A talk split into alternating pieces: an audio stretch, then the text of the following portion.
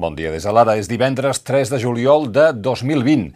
Aquesta matinada, quarts de cinc, ha caigut un violent eh, aiguat a molts punts del país, de manera que ens interessa molt la previsió que ens pugui fer en Miquel Bernis. Els ruixats sobtats i intensos seguiran fins a mig matí, concentrats sobretot en comarques de l'est. A la tarda encara pot tornar a ploure entre el Ripollès, la Garrotxa i Osona, però el cap de setmana farà sol a tot arreu. Aquest vespre serà el més fresc de la setmana, però diumenge ja tornarà a fer més calor. Ahir, cap a les 7 de la tarda, el president Carles Puigdemont va penjar aquest tuit. Ens comprometem a fer de Junts per Catalunya una eina transversal, plural i eficaç al servei de la República Catalana i de les persones. T'esperem el dia 25 per començar a caminar junts. Era l'anunci de què parlàvem ahir, la creació del nou partit polític que vol que aglutini l'espai de Junts per Catalunya sense esperar a resoldre el debat intern amb el PDeCAT és un trencament. Bé, la Núria Oriols diu que encara no es pot dir, perquè continuarà havent-hi converses entre Jordi Sánchez, president de la Crida, i David Bombaí, president del PDeCAT. Eh, unes converses que tothom està disposat a continuar fins l'últim minut per evitar la trencadissa de cara a les eleccions vinent. Una de les qüestions que hi haurà damunt de la taula és qui es queda la marca Junts per Cat, que hi va fer servir Puigdemont al manifest, però que té registrat el PDeCAT des del 2018. Diu eh, Puigdemont, interpel·lem les persones que creuen que l'Estat no té cap voluntat de reformar-se i, eh, a més a més, es compromet a accelerar el procés i a governar amb el compromís de la independència. Les juntes de tractament de les presons de Lledoners, Puig de les Basses i Batràs van proposar que tots els presos polítics passin a tercer grau. Si el Servei de Classificació de la Generalitat avala la proposta, té dos mesos per fer-ho, la decisió podria ser qüestió de setmanes i tots nous presos podrien anar a dormir a casa els caps de setmana i fins i tot entrar en una llista d'espera per instal·lar-se en centres oberts o bé en pisos tutelats de la Generalitat. En cas que la Generalitat validi el tercer grau, la Fiscalia de Vigilància Penitenciària, com ja ha fet quan s'ha concedit el 100.2 als presos polítics, eh, i recorrerà. L'última paraula la tindrà el Tribunal Suprem. Dues notícies de Barcelona. El carrer Aragó tindrà un carril bici de vora 5 quilòmetres. El passeig de la zona franca, dos carrils bici més, a banda i banda, en els dos sentits, eh, de 3 quilòmetres a partir de l'octubre. I els talls de trànsit que es van desplegar durant l'estat d'alarma a la carretera de Sants Creu Coberta i al passeig de Sant Joan tornaran a l'octubre i seran permanents cada cap de setmana. I l'altra notícia de la capital és prou dura.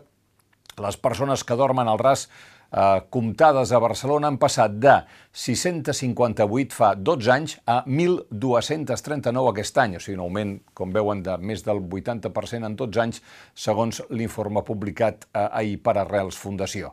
Si voleu saber com està el mercat de treball, a Catalunya hi ha 485.000 persones sense feina, vora mig milió d'aturats a Catalunya i de treballadors en ERTO encara n'hi ha 382.000. També s'ha de dir que aquesta xifra dels ERTO s'ha reduït al mes de juny un 38%. Per tot plegat, Pedro Sánchez va anunciar ahir una pujada d'impostos. Nosotros vamos a hacer una reforma fiscal porque tenemos siete puntos por debajo de ingresos públicos de la media europea. Queremos tener un estado del bienestar robusto y lo vamos a hacer con justicia fiscal. ¿Eso significa subir los impuestos? ¿A eso, quién? eso significa subir, por ejemplo, los impuestos a las grandes corporaciones y no a las pequeñas y medianas empresas. Sánchez va assegurar que no baixarà les pensions ni tocarà els sous dels funcionaris i això, la pujada d'impostos, serà per a grans patrimonis i corporacions. Avui, per cert, hi ha un Consell de Ministres extraordinari, eh, es firmarà un acord amb els interlocutors socials i, a més a més, s'aprovarà un fons per les empreses i molt probablement també un pla renove de cotxes. En plana internacional, més important del que pot semblar, perquè això almenys ens afecta molt directament, dimecres Alemanya va assumir la presidència rotatòria del Consell Europeu i les expectatives no podien ser més altes. En joc hi ha l'aprovació del Pla de Recuperació Econòmica, el pressupost comunitari pels pròxims set anys, la lluita per no quedar-se fora de la cursa per la vacuna contra el coronavirus i les relacions difícils amb els Estats Units i la Xina. I eh, la Unió Europea, per aquest període tan difícil, confia absolutament en l'empenta que Angela Merkel pugui donar a Europa el pròxim any i mig. De fet, diu en Xavier Roig en aquest article que els catalans sabem que ens convé més Europa i menys Espanya, entre altres coses, per protegir-nos de nosaltres mateixos. Esperem que l'Europa que ens interessa, la que es troba al nord dels Pirineus, agafi en part les regnes del nostre destí, que obligui a implantar les reformes a les quals nosaltres ens neguem. I la tensió diplomàtica entre Londres i Pequín puja de to a causa de Hong Kong. Va entrar en vigor la nova eh, llei de seguretat nacional que considera il·legal defensar la independència del país. Hi ha penes de presó i fins i tot de cadena perpètua. Doncs bé, el govern britànic ha renovat aquesta setmana la seva promesa perquè 3 milions de ciutadans de l'excolònia puguin obtenir la nacionalitat britànica.